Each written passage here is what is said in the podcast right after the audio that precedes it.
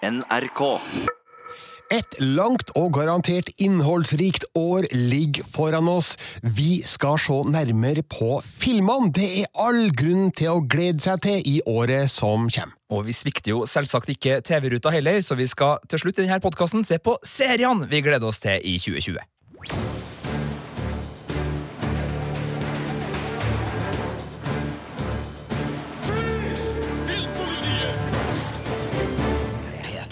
Godt nyttår, Sigurd Vik. Godt nyttår, Birger Vestmo. Det føles jo som om vi nettopp oppsummert 2019, og det er jo fordi vi nettopp har gjort det, men nå er det på tide å se fremover. Ja, og vi er ansvarsløse folk, så vi skal selvfølgelig ikke sjekke 2019-lista opp mot de seriene og filmene vi gledde oss til i 2019, men nå skal vi gjøre samme eh, øvelse en gang til. Altså, vi skal spå hva vi tror blir uh, noe av det vi har Ja, altså det vi har trua på da Ja. i, i 2020. Og når det gjelder filmer, så vil det jo være ca. Ja, mellom 200 og 250 premierer i året som ligger foran oss. Og det er selvfølgelig umulig å ha full oversikt over samtlige, men eh, vi har lista opp eh, de ti som vi gleder oss mest til. Og vi er da, foruten eh, vi to i studio, også vår kollega Marte Hedenstad, som ikke er med oss akkurat nå.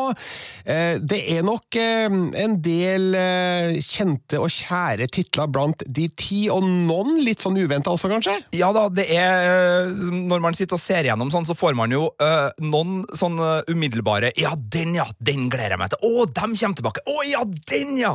Uh, men så er det jo også noen titler som bare liksom stikker seg ut. Sånn, Hæ? What's this? Ka Kai hmm, Ja! Eh, og det er vel en, eh, en viss blanding her, men jeg tror ikke at å komme unna, Birger, og det vil folk eh, høre etter hvert som de går gjennom denne podkasten. vi er både litt nostalgisk anlagt og, og glad i storproduksjoner. Vi starter på tiendeplass, og der har vi plassert det som kanskje vil være den største norske publikumssuksessen i 2020, nemlig Narvik, som har premiere 25. desember, ja, altså om nesten et år, da. Og dette er Erik Skjoldbjergs eh, film som tar for seg slaget om Narvik under andre verdenskrig.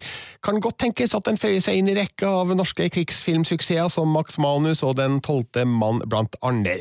På niendeplass, Sigurd, Der finner vi en film som eh, har blitt filmatisert allerede eh, seks ganger. Den har blitt framført på teater, som musikal og som opera og som hørespill og som TV-serier.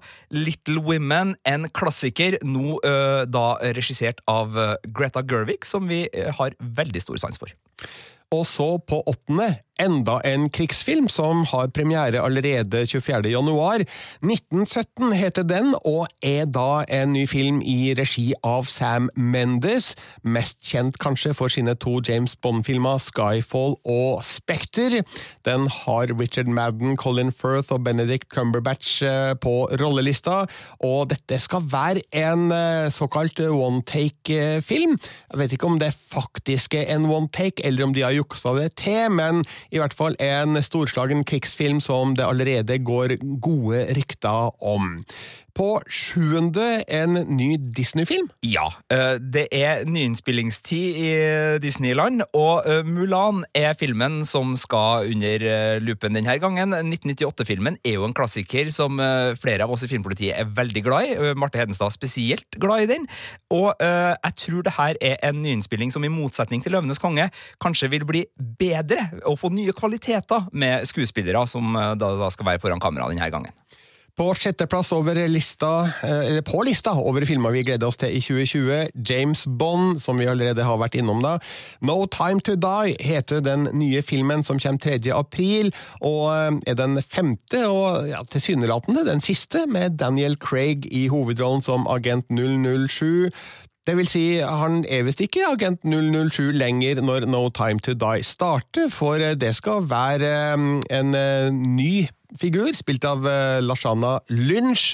Og så får vi se da hvordan Norge tar seg ut, fordi eh, det har jo blitt spilt inn noen scener til James Bond No Time To Die i Fedrelandet. 3. april kommer den. På femte Jojo Rabbit. Ja, den kommer snart. Det er uh, Taika Waititi sin nye uh, eh, nazikomedie, uh, hvor uh, Hitler dukker opp som fantasivenn uh, til den unge Jojo Betzler. Waititi har jo laga noen gnistrende gode komedier det siste, med både to Ragnarok og ikke minst uh, vampyrfilmen What We Do In The Shadows. Så uh, den her uh, gleder vi oss til. det er regissøren sjøl som spiller Hitler. Norgespremiere 17. januar. Og så må vi jo nevne Top Gun Maverick, som kommer 17. juli. Tom Cruise gjentar sin glansrolle, det vil si, ja ja, glansrollen er det kanskje ikke, men det er den rollen han ble superstjerne med da, i 1986. Uh, eh, han gjentar rollen da som Pete Maverick Mitchell i en oppfølger der vi ikke veit så veldig mye om handlinga, men uh, de to trailerne som har kommet, tyder på at ja, det blir mye flyging også denne gangen. Uh, ganske nært bakken, eh, til og med. Ja, og Ed Harris kommer til å holde noen lange uh, taler som uh, befal i militæret, og det er jo bestandig uh, god greie. Ja, Det som bekymrer meg litt her nå, er at jeg ser at premieren er da 17. juli. Det er midt i sommerferien min. Jeg har i hvert fall planer om å ha sommerferie da. Mulig vi er nødt til å ta et litt avbrekk da, for å kunne se og anmelde Top Gun Maverick. Vi får bli enige om du, det. Du føler ikke at den er i trygge hender hvis jeg skal håndtere den? Nei, jeg gjør ikke Nei, det. det okay. ja, gjør nei, ikke det. det. Jeg tenker at dette er en av mine filmer! Så vel, vi får se hva som skjer. Eh, Top Gun Maverick, i hvert fall. Den gleder jeg meg veldig til. Fallhøyden den er stor, men eh, jeg tror det blir mer rock and roll in the sky, som Tony Scott eh, laga med den første. Og så er det vel Joseph Kosinski som har ansvaret for oppfølgeren. Ja ja, han har store sko å fylle, men med Tom Cruise eh, i hovedrollen, så tenker jeg at det blir bra. Ja. Nå er vi over på de tre beste filmene, forhåpentligvis, som vi gleder oss til. Det er det, altså de tre vi gleder oss aller mest til da i 2020. Eh, og på tredje, der har vi plassert Tenet, som er en litt mystisk film vi ikke veit fryktelig mye om, men det er Christopher Nolan som står bak, og ja, da rykker den med en gang opp i tetsjiktet. Ja, Det er jo en begivenhet hver gang Christopher Nolan lager film, og det er flere grunner til det. Den ene grunnen er at han er en intrikat og ekstremt dyktig filmskaper som har begeistra oss gang på gang med eh, ja, en Batman-trilogi som var helt fantastisk, Inception som var visuelt slående, Interstellar som i hvert fall enkelte i redaksjonen hylla som et eh, sci-fi-mesterverk, eh, og som noen irriterer seg over i bokhylle, men det, det skal jeg la, la være. Og også krigsfilmen filmen Dunkerque han laga sist. Eh, et klaustrofobisk, storslått uh, krigsepos der. Så, så han, han, har noen kvaliteter som filmskaper som er uomtvistelige. Og så har han jo også blitt den store forkjemperen for eh, kinoformatets eh, aller bredeste muligheter. Altså, han, han uh, filmer på Imax, han filmer i 65 mm eller 70 mm, og, og bruker uh, formatets ytterkanter når det gjelder grandiose muligheter for å få bildene så spektakulære som overhodet mulig. Nå er det flere regissører som, som, gjør det, men Nolan har skilt seg ut da, som en en kinoens filmregissør. Og vi veit ikke veldig mye om hva det her skal handle om. Eh, det er da en eh, setning på Internet Movie Database som sier «An action epic revolving around international espionage, time travel and evolution». Ganske kryptisk. Eh, vi vet bitte bitte litt mer, Sigurd? Ja da, vi, vi vet jo f.eks. at John David Washington skal spille hovedrollen. Det er jo sønnen til Denzel Washington, en mann som uh, begeistra begge oss i the, uh, ja, Black Clansman. Black, jeg skulle si The Clansman, men det er en annen film. ja, uh, og, og, han skal da uh, spille en det som ser ut til, ut fra trailerne, en, en, slags agent som er både motivert og, og meget dyktig. Og så vet vi også at tredje verden verdenskrig, og da spesielt det å prøve å avverge tredje verdenskrig, eh, er, sentralt i plottet, eh, som eh, i god Christopher Nolan-stil da innbefatter en del tankekrumspring og fremtidsvisjoner. Det er flere på rollelista her, Robert Pattinson blant annet, og vi har jo sett bilde av eh, herr Pattinson og herr Washington på Operataket i Oslo, der eh, noen scener har blitt eh, spilt inn. Eh, ellers er Aaron Taylor Johnson med, det samme Michael Kane og Kenneth Branagh. Vi aner ikke i hvilke roller eller hvor store roller det er, men det er gode, solide navn, i hvert fall da foran kamera. Og så er jo da, som du sa, Christopher Nolan han har både manus og regi her. Og så er da ikke minst uh, Hoite van Hoitema uh, ansvarlig, ansvarlig, for foto. Og det er jo en mann som har filma flere av Nolans uh, senere filmer. Uh, så det her kan bli en ny visuell storfilm, og det er all grunn til å tro at dette kan bli en av de mest interessante filmene som kommer i 2020. Men, men, men, du vet den dårligste nyheten her nå, Birger? Ja, jeg vet det. Ja. Jeg, jeg vet det. Den har norgespremiere samme dag som Top Gun Maverick. Som igjen betyr at jeg har problemer med sommerferien min i år. Eh, Noe som også betyr at min uh, for, for, jeg er nok ikke den i redaksjonen som er mest glad i Christopher Nolans eh, finurlige nolanskheter. Jeg kan få litt uh, metta mi på det, uh, så, så, det ser litt dårlig ut for terningkastet til Nei da. Men det ser veldig bra ut for de som har planer om å gå på kino i, i sommer. Og for de som lurer, jeg går sjelden på kino i sommerferien min, fordi da, da, er jeg jo tilbake på jobb, da, hvis jeg går på kino. Sånn er å være filmanmelder. It's a dirty job, but osv. Eh, men i hvert fall, det var tredjeplassen. Andreplassen, der har vi satt Wonder Woman 1984.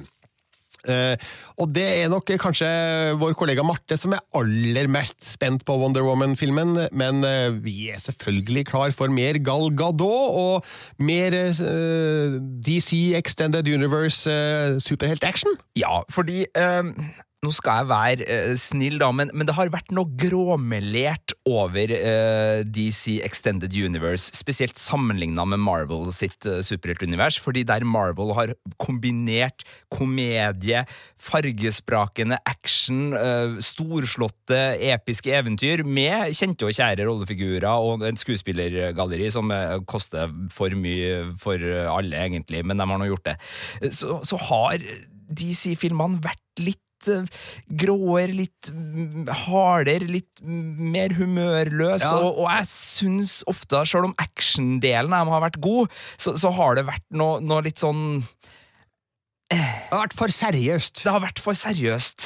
Uh, unntaket, uh, eller det har vært flere unntak, da, men, det, men det, mest gledelige unntaket var jo den forrige Wonder Woman-filmen, som var en knallgod film, hvor uh, regissør Patty Jenkins og, og Gal Gadot da, traff tonen med hverandre. De klarte å skape en hovedperson som virkelig begeistra. De hadde en bakgrunnshistorie, eller en tilblivelseshistorie, som, som fenga. De klarte å koble på noen noe skurker og noen noe helter som, som fungerte, og, og ikke minst da så var det et, et, drivende godt actionplott som, som, eh, var i bunnen her. Og de skal jobbe sammen igjen nå i oppfølgerfilmen. Eh, denne gangen satt til et eh, ganske sånn syntpoppa 80-tall, eh, med noen eh, gode DC-skurker som Maxwell Lord og Sheeta på skurkelista. Hans Zimmer står for filmmusikken. Jappetida skal eh, representeres her, Birger. Det her er jo ting som gjør at det føles morsomt. Ja. og, og spennende å, skal gå inn i denne verdenen. De tar en Stranger Things, rett og slett. De uh, setter historien til et tiår som har vist seg å være slagkraftig, og som, som tydeligvis slår an også blant uh, dagens uh, ungdom, av en eller annen merkelig grunn. Jeg var jo 14 år da 1984 pågikk, og husker jo det veldig godt, og for min del så blir det jo ren eh, nostalgi å se en superheltfilm lagt til det året. Uh, uten at vi vet i hvilken grad tiåret vil sette form og farge da, på Wonder Woman 1984, men jeg vil jo tro at uh, de, de, må jo bare benytte seg av den unike muligheten de nå har, da, til å sette litt farge på DC-universet med, med, alt det 1980-tallet hadde å by på da, av mote, musikk og pastellfarger. Ut fra traileren så er alt det der representert. Eh, kjøpesenterkultur, eh, og, og jeg var innom det med jappetidens idealer, men det det er noe med liksom stilen på 80-tallet. Eh, du vet sånn, Man kan si sånn That 80's guy. Ja. He's an 80's guy. Det, det er noen sånne 80's guys med i, i denne filmen som jeg tror funker. Og, og, det er jo den der popkulturelle gleden som spesielt da Stranger Things har tappa inn i, som 80-tallet var så stor eksponent for. For da, da var liksom USA den beste plassen i hele verden, og alt som kom ut derfra, var ting som unger og ungdom syntes var artig. Enten det var Walkmaner, eller det var TV-spill, eller hva det nå enn var. Og, og, det virker å være den koloritten da Wonder Woman 1984 lener seg inn i, og da har du jo generasjoner med nerdete fans å, å appellere til. Men det er én film som kommer på kino i 2020 vi gleder oss mer til enn Wonder Woman. Mer enn Tenet, mer enn Top Gun Maverick. Og det er Dune, som skal regisseres av Denis Villeneuve, og som har premiere 25. desember. Eh, nesten et helt år til, og jeg kan ikke vente, fordi Denis Villeneuve har blitt en av mine favorittregissører gjennom sterke filmer som Arrival og eh, Blade Runner 2049. Og altså, han har aldri laga en dårlig film. Han er en, eh, en mesterregissør som, som, virkelig har både uh, fått anledning og tatt vare på noen muligheter, og det er sentralt her. fordi når han nå skal prøve seg på Dune, så er ikke det en hvilken som helst adapsjon. Uh, det her er da Frank Kerberts fantastiske sci-fi-roman fra 1965, som angivelig er verdens mest solgte uh, sci-fi-roman, og den har ikke hatt det lett i overgangen fra bok til film. Nei, for det var en regissør eh, som prøvde seg på 1970-tallet, og han het Alejandro Jodorowsky. Det gikk ikke bra? Nei, men dokumentarfilmen Jodorowskys Dune er veldig bra, og den anbefales til alle. Jeg tror kanskje man må ut på, på fysisk formatmarkedet for å skaffe seg den. Jeg har min på Blu-ray, som jeg kjøpte via den engelske Amazon tilbyderen. Men den filmen er fantastisk, og den tar deg med inn i ikke bare den filmen, men det som var så spesielt med Alejandro Jodorowskis Dune, var at den kan sies å være en slags um, uh, vugge for uh, så fantastiske filmunivers som Star Wars, Alien uh, og Terminator-universet og Indiana Jones-universet. For de menneskene som ble samla for å jobbe på Jodorowsky sin Dune, det var det vi nå kaller pionerer innenfor både visuell utforming, visuell design og, og uh, ja, det er noen idékonsepter her som er helt fantastisk, og som man ser igjen da i de filmene som er nevnt her, fordi de ble jo ikke uh, fullbyrda da i Jodorowskys versjon. Men du mener at de tok med seg inspirasjon fra det arbeidet over til de filmene du nå nevnte? Ja, man kan se eh, helt konkrete eksempler hvis man eh, ser på bilder fra, altså konseptbilder fra Jodorowskis Dune og ser i de filmuniversene man ser her, så er liksom ting bygd opp på samme måte, og så er det veldig mye annet som bare ligner, og ideer som er fanga opp og, og, og, brukt igjen. da. Uh, Jodorowsky prøvde uh, med uh, Mick Jagger, Salvador Dali, han hadde Pink Floyd til å lage soundtracket, og han havna på et budsjett som rett og slett gjorde at filmen ikke var gjennomførbar, så han måtte gi seg. David Lynch, av alle, eh, plukka opp restene, holdt jeg på å si, eller fikk eh, oppdraget da, og laga faktisk Dune i 1984, var det vel? Ja, det er riktig. Eh, da med artisten Sting og senere Twin Peaks-stjerne Kyle McLachlan på rollelista. Ikke blant Lynch sine beste filmer. altså, Det kom jo ganske tidlig i hans karriere. Han hadde vel egentlig bare Eraserhead og Elefantmannen eh, på merittlista da han eh, fikk eh, jobben med å lage Dune. Jeg har aldri sett den filmen. Det har du? Ja da, jeg har det. Det begynner å bli noen år siden nå, men, og den er ikke forferdelig. Men den, den er ikke, den er den, altså den romanen er ganske svær og ganske tung, og den er kompleks. og Den eh, handler om en ung Paul Atredis og en ørkenplanet som heter Arrakis, og store sandormer og de politiske intrigene som ulmer i galaksen. Eh, og, og, Det å klare å fange det her på én film er jo veldig vanskelig, og David Lynch lyktes ikke helt med det. Eh, og Det er jo derfor det er så interessant da at uh, Denis Villeneuve har lært av forgjengerne sin feil, uh, og har bestemt seg for å lage det her ikke i én film, men i to to filmer, og det tror jeg er veldig lurt, for det er rett og slett for meget å, å bite over i et jafs. Det har også blitt laga miniserier og sånn rundt det her universet, så det, det er mange som har prøvd. Men, men han har nok gjort noen fornuftige valg der, og så har jo også han i likhet med sine forgjengere, og spesielt da Jodorowsky, samla et stjernelag, Birger, Ja. som det lukter svidd av. Det er helt korrekt. Det er jo da Timothy Chalamet som uh, har uh, hovedrollen som Paul Atreides, og så spiller jo Rebecca Ferguson, uh, Lady Jessica.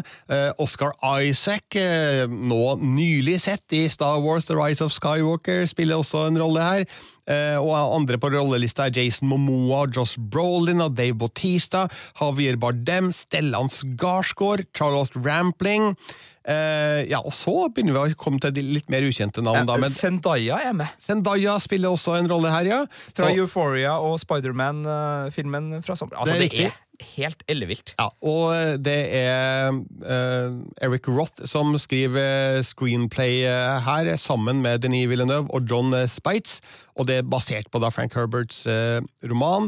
Um, Hans Zimmer skal ha filmmusikken, uh, og det er bare kvalitet i alle ledd her, så jeg har så stor tru på at um, Denis Villeneuve skal lykkes, fordi han har aldri laga en dårlig film. Jeg vet ikke om han jeg vet ikke om han har det i seg i å lage noe dårlig, så jeg har full tiltro til den. Det- er deilig å bare kunne se på papiret at denne filmen blir bra, og jeg vet ikke om det da gjør at fallhøyden blir desto større, men eh, jeg har følelsen av at eh, han vet hva han driver på med, Denis Villeneuve. Ja jeg har òg den følelsen, og jeg, og jeg trodde ikke at jeg skulle være så trygg ø, som jeg er nå på at det her skal bli bra. Uh, samtidig, uh, den er en vrien sak å, å overføre, den boka. Anbefaler alle boka, selvfølgelig. Helt nydelig. Ikke en murstein, men en, en solid blokk å, å bryne seg på. Og ikke minst da, altså Jodorowskis Dune. Det er perfekt oppladning å se både den lokuen og, og lese den boka før det som jeg tror kan bli eller jeg, jeg tror ikke. Jeg vet det her blir en kinobegivenhet nesten uansett. Altså Enten så mislykkes den spektakulært, eller så lykkes den spektakulært. Og vi håper jo på, på at det her blir en vellykka stjernesmell på Nei, ikke stjernesmell, det blir feil å si. Eh, Stjernekunst. Eh, Stjernekunst. Stjernekunst håper vi på. ja. Det er veldig bra. Hele lista over de ti filmene vi gleder oss mest til i 2020, den finner du på p3.no filmpolitiet.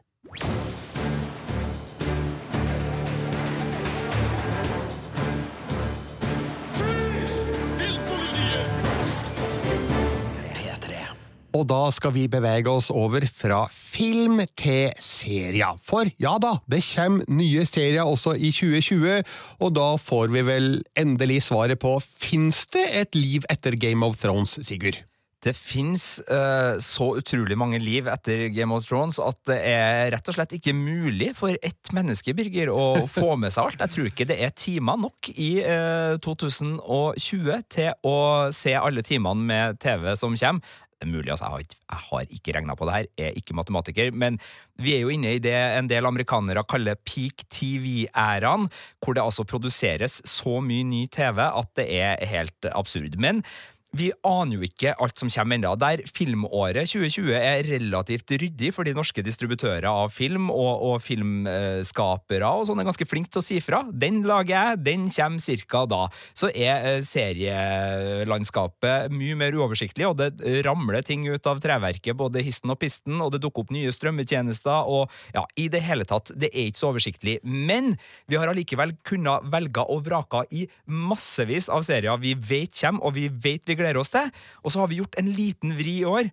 Det kommer så mange sesong to, tre fire og fem av serier vi elsker. altså det kommer nytt fra Le Byrå, fra Fargo, fra Euphoria, fra Westworld, fra Better Call Saul, fra The Boys, fra Succession, The Handmaid's Tale. Og vi orker jo ikke å bare sitte og si at vi gleder oss til alle dem, for det er jo innlysende at vi gjør.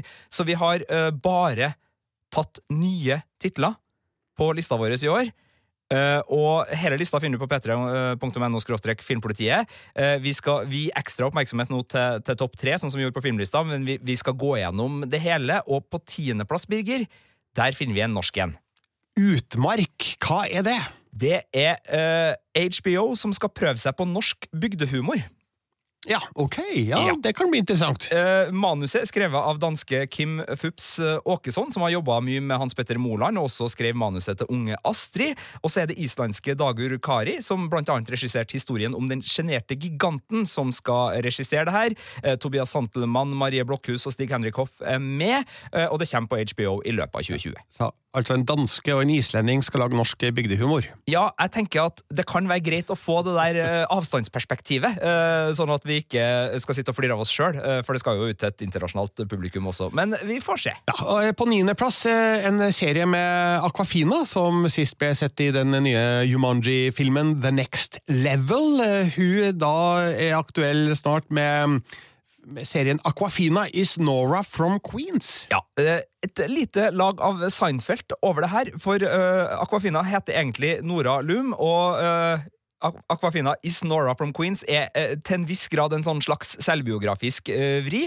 Eh, halvtimes sitcom. Eh, da vil jeg tro handlinga skal foregå i Queens. Eh, så ja, eh, vi, vi er ganske spent, for hun er ganske artig. Har også herja i Crazy Rich Asians, så den her er vi spent på. Spiller hun kanskje en versjon av seg sjøl? Ja, det er jo det vi, vi, vi tror her, da. Så, så den har premiere i USA i januar, og vi håper på norsk distributør, for det er Comedy Central som da sender det her. Og så Den neste på lista en ny serie med, med RuPaul, men ikke Drag Race-serien. Nei, ikke reality heller. Dramaserie, eller eh, dramedie med RuPaul, der eh, Ja, eh, han spiller dragdronninga Ruby Red, som tar til seg en ti år gammel eh, kid som heter AG, som har blitt foreldreløs, og så ser det ut til at de eh, legger ut på en liten reise.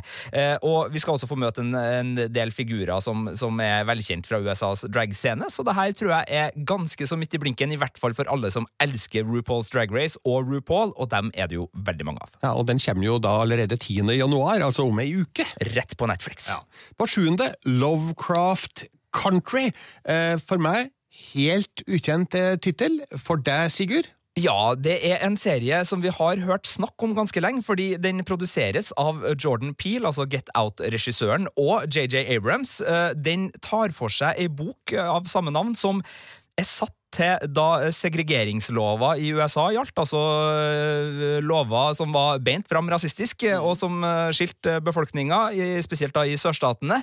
Eh, Og det er da en uh, eh, hovedperson som heter Atticus Black, som er en svart mann som må reise gjennom sørstatene på jakt etter sin far på 50-tallet. Eh, Men her er det ikke bare rasisme, det er også monster, fordi HB Lovecraft sine uh, ja, romandemoner eksisterer også i denne verdenen. Så skrekkdrama fra HBO. Ja, Eh, spennende, ja. spennende kombinasjon. Og jeg ser eh, at eh, JJ Abrams og Jordan Peele er med på produsentfronten. Ja, de er, de er produsentene, så det har jo liksom gjort det at man har litt sånn ekstra forventninger da rundt, eh, rundt det her. På sjette Livstid. Og det er en ny eh, norsk noir-serie. Ja, en happy noir-serie. Fordi Hva betyr det? eh, Ja, ikke sant? Hva betyr det? Det er serieskaper Gjermund Stenberg Eriksen, kjent da fra, fra Mammon, som sier at han vil beholde kvaliteter fra den etter hvert så ganske så innholdsrike nordiske noir-sjangeren, men han vil også ha inn humør og varme, eh, uten at det skal bli helt eh, krimkomedie. Så en krim med humør og varme.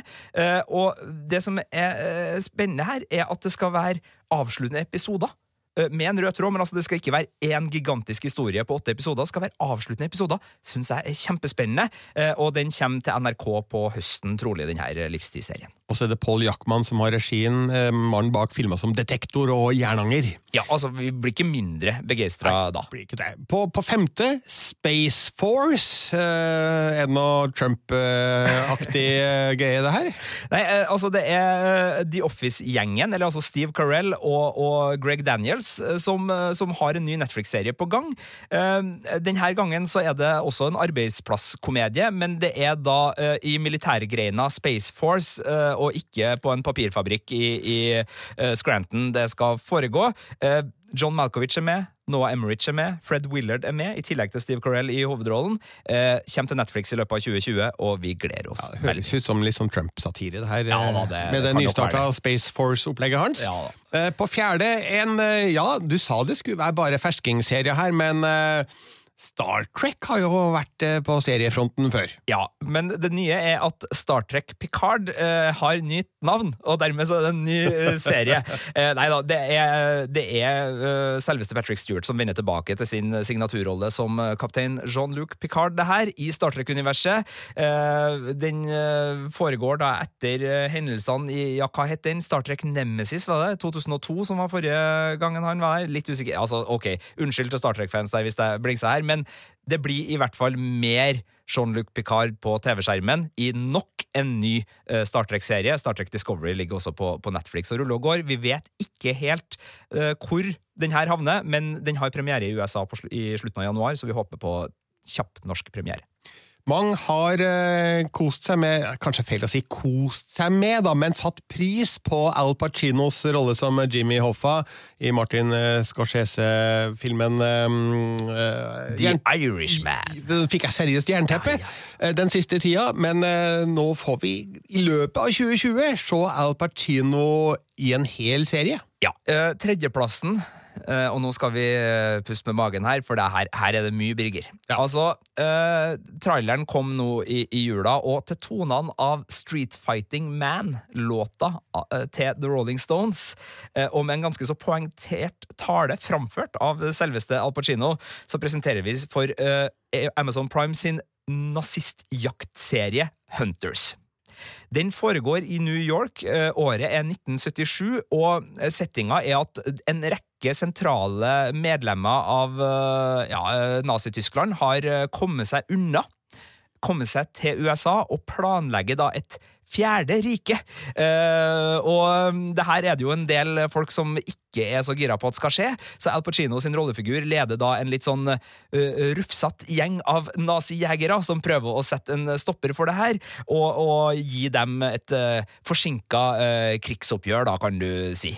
Så det her høres jo ut som et eh, fantasidrama, ikke fantasy, men fantasidrama basert på visse historiske faktum. Ja, det er jo øh, vanskelig å si at den er øh, sannferdig, øh, men den, den har et, et historisk bakteppe som spiller på faktiske historiske hendelser, og, og som også fanger opp de trådene, for det har jo vært både konspirasjonsteorier og, og ting som tyder på at en del kom seg unna av disse gamle nazistene, Eh, og, og det er jo ikke noe tvil om at lysten til å gi dem et forsinka krigsoppgjør har eksistert i, i store deler av befolkningen her i verden, så, så den, den, den har noen sånne Ja, det er lett å, å knytte neven i et sånn yeah! Uh, og det er jo ikke til å komme unna at det er en del eh, nazistskurker på både film- og seriefronten i 2020. Det er nok en tendens som uh, stammer fra forskjellige ting. Man, man kan jo tenke seg det at i en verden hvor det, det splittes mer og mer, og, og det, det er strømninger som kan minne om tankegods som nazistene hadde sitt eh, nerte, hjerte nær, holdt jeg på å si, så, så er det eh, både tidsaktuelt og, og betimelig å, minne hverandre på uh, hvor fælt tankegodset her faktisk var.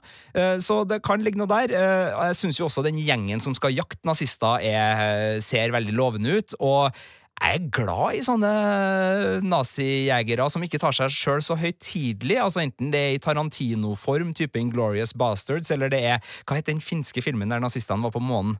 Iron Sky. Iron Sky, ja. Ja, ja, ja. Jeg, jeg liker sånne ting. Altså, det blir ikke så fjollete her, tror ikke jeg. Det blir nok mer et sånt litt sånn Scorsese-aktig New York på 70-tallet, håper jeg, med, med en god Pacino. Men, eh, men jeg, jeg, jeg gleder meg veldig til Hunters. Det kommer ti episoder da i løpet av året, og når jeg ser lista over regissører, så det er ingen jeg drar kjensel på der. da. Nelson McCormick, Denny Gordon, Wayne Yip, Alfonso Gomez Rayon, Millicent Shelton og Michael Uppendal.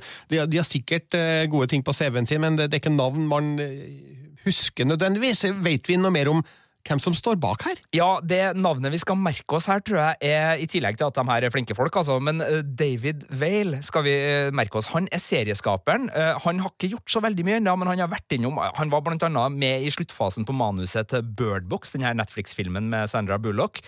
Men han er såpass talentfull at Amazon har signert uh, han for flere serier, og, og vil at han skal, skal inn og, og, skrive her. Så det er tydelig at det her er en person som har imponert de rette folkene. Uh, og så er det jo veldig spennende da, å se om uh, hans første svenneprøve som serieskaper står til laud, eller om den blir en av skamplettene på Al Pacinos CV. Jeg, jeg, har litt trua, men, men, man vet jo aldri, og det er klart Ja, ti episoder nazijegere i ja, det, altså, det er jo ikke til å komme unna at uh, lengde på serier kan av og til være seriens verste fiende. Ja. Ti episoder er mye, men er uh, vi, vi, har trua. Men det er i hvert fall eh, godt med folk foran kamera, som vi har eh, hørt om før. Altså Ved siden av Al Pacino så er Logan Lerman med. James LeGross uh, har en rolle. Carol Kane og Lena Olin og Soul Rubinek. Så vi får ha trua inntil videre, i hvert fall, på at eh, Hunters kan bli noe av det store på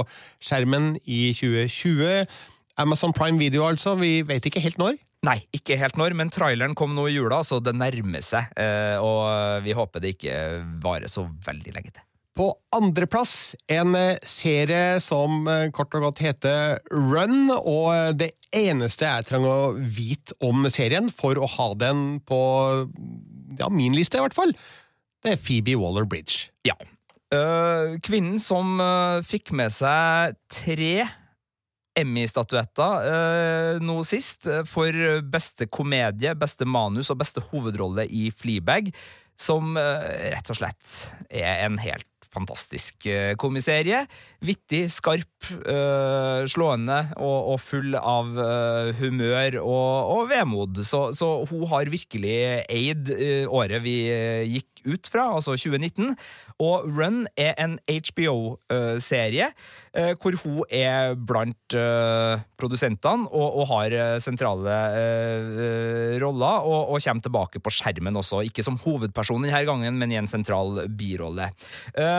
mer om Run vet vi. altså, den er skapt av Vicky Jones, som er da en, en person som har eh, jobba mye med Phoebe Waller-Bridge eh, tidligere, så de har den sammen.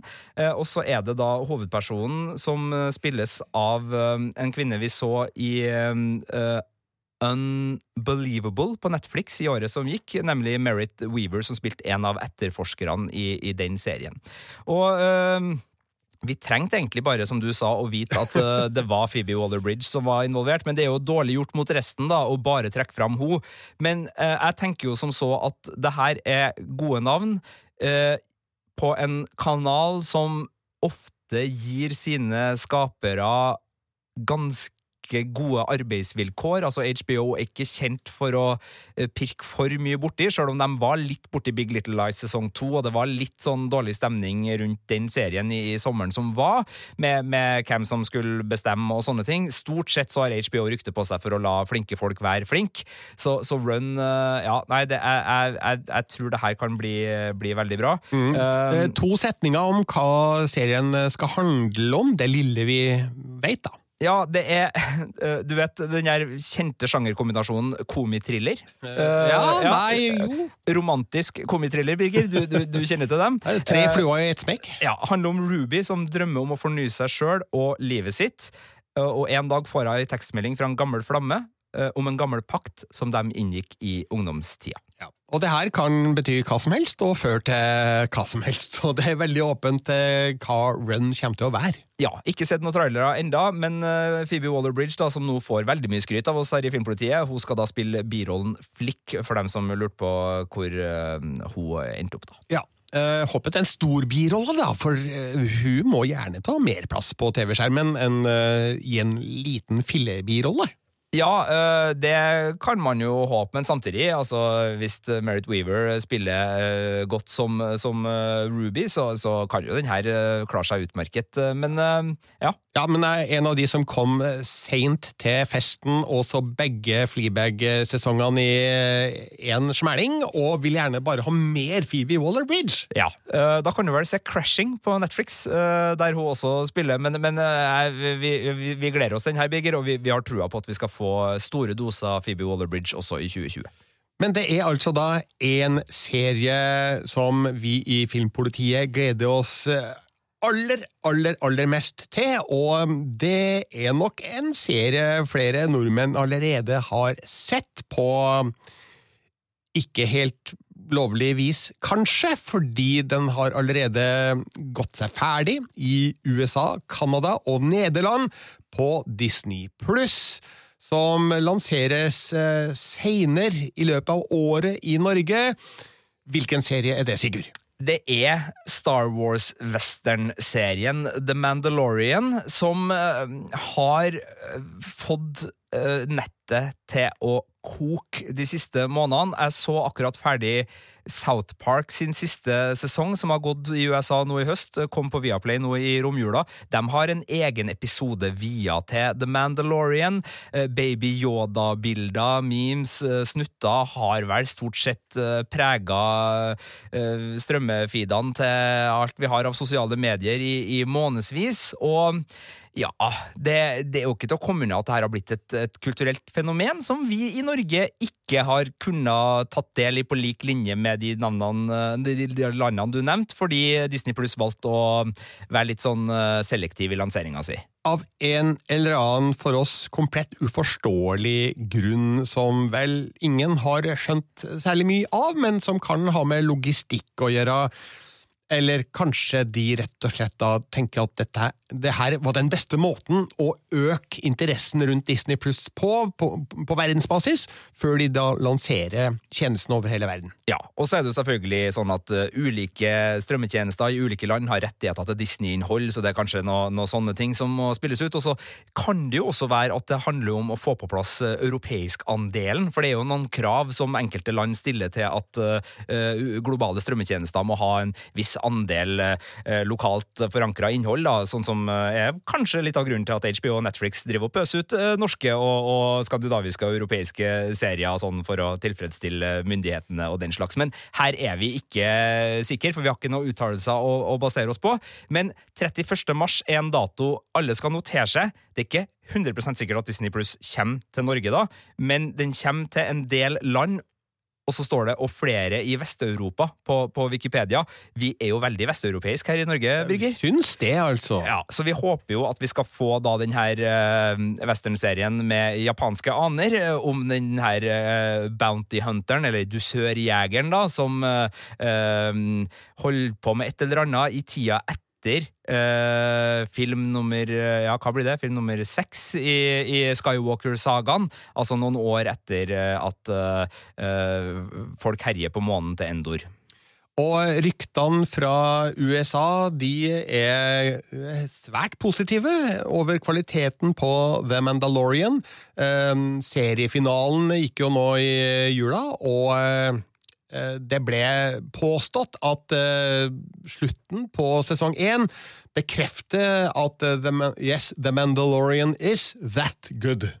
Det er jo John Favreau som står bak det her, som serieskaper. Mannen som har gitt oss både Løvenes konge og Iron Man, og som sjøl spiller i Avengers-universet og herja i siste Spiderman-film. Altså, Han er jo en av Disneys eh, sterkeste kort. Ja. Uh, Laga også Jungelboken-nyinnspillinga, og, og, han har tydeligvis lyktes veldig godt her. Pedro Pascal spiller hovedrollen, uh, og ja, det, det altså det, det, er lite som, eh, som skrangler eh, når eh, The Mandalorian skal opp på, på skjerm. Og så er jo også sesong to bekrefta for høsten. John Favreau bekrefta det på Twitter i romjula, at det kommer en sesong to fall 2020. Tenk, John Favreau han sparka i gang MCU med de to første Iron Han sparka i gang vel også Disneys live action-nyinnspillinga med, med, Jungelboken og nå da med Løvenes konge. Og nå sparker han i gang da en ny del av Star Wars-universet med The Mandalorian. Eh, det virker som han lykkes med det meste han driver på med som eh, film- og serieskaper. Ja, men alle som har sett Friends, eh, vet jo at han ble ikke veldig god som slåsskjempe da han spilte kjæresten til Monica Geller, rikingen som bestemte seg for å bli verdens beste kjemper eller eller hva nå enn det var.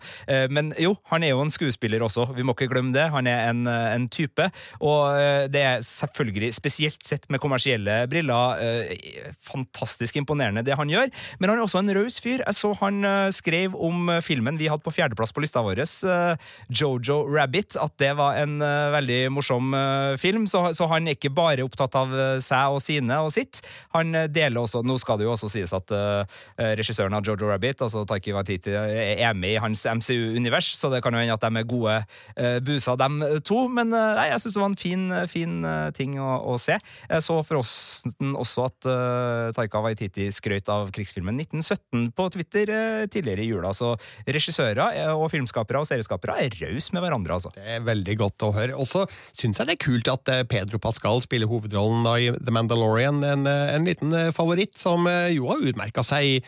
Han spilte vel Oberyn i Game of Thrones, og um, vi har sett den i uh, The Equalizer. Narcos. Nummer, nummer to, og i Narcos, ikke minst. Uh, han skal også spille i Wonder Woman 1984. Uh, han skal det. Han, uh, der er han ikke nødvendigvis den snilleste i klassen, men det skal vi ikke spoile noe mer. Nei. Nei. Uh, men har du sett det YouTube-klippet fra en sånn paneldebatt der The Mandalorian ble um, presentert et eller annet sted? Jeg vet ikke om det var Comic-Con eller hva, men han, han bare fortalte av publikum om Han ble kalt inn av John Favreau for å diskutere et eller annet Star Wars-aktig som han ikke visste hva var. Kom inn i et rom fullt med sånn plantegninger over hele veggen med masse Star Wars-planer, og spør da What do you want me to play? The Bug? Og John Favreau sier You're the Mandalorian. Og bare det uttrykket i Pedro Pascals ansikt, som han gjenskaper det, bare kostelig. Det er morsomt. Tyder på at han har et stort hjerte for hele Star Wars-universet. og Eh, som han også sier i det samme klippet, han er jo født i 1975, som hadde oppvokst da med Star Wars eh, som bakteppe gjennom hele barndommen. Og eh, vi må vel kun bare regne med at han er like stor fan da som, som det vi er. Ja, og så er det jo heller ikke til å komme unna at uh, denne serien tapper inn i, eller altså kobler seg på en av de store fanfavorittene i Star Wars-universet, også fra Skywalker-sagaen, nemlig dusørjeger Boba Fett. Uh, visuelt sett så er det jo noen noe hjelmlikheter og, og, diverse her, så, så den har nok uh, truffet altså Den treffer med Yoda, den treffer med Boba Fett-lookaliken, den treffer med skuespiller, serieskap, og, og, hvis den i tillegg da er god, sånn som det virker som den er, så, så er det jo ikke, det er jo ikke så rart at den er på toppen av lista vår. Nei. Dette blir spennende å eh, følge med på når eh, The Mandalorian endelig blir gjort tilgjengelig for oss nordmenn på Disney pluss. Da skal vi selvfølgelig komme tilbake med en inngående anmeldelse. Den eneste du trenger å forholde deg til før du velger om du skal se The Mandalorian eller ikke. Hele lista over eh, både filmene og seriene vi gleder oss mest til i 2020, finner du på p3.no filmpolitiet. Jeg har trua på et killer-år, både på kino og foran TV-skjermen, Sigurd? Jeg har støvsugd sofaen og er klar for um, å benke meg. Det høres veldig lovende ut. Denne podkasten fra Filmpolitiet er over. Du finner flere podkaster i appen NRK Radio. Følg oss på Twitter og Instagram. Send oss en e-post på filmpolitiet etter nrk.no hvis du vil oss noe. Og vi som har vært med deg i løpet av eh, disse minuttene, er Sigurd Vik og Birger Vestmo.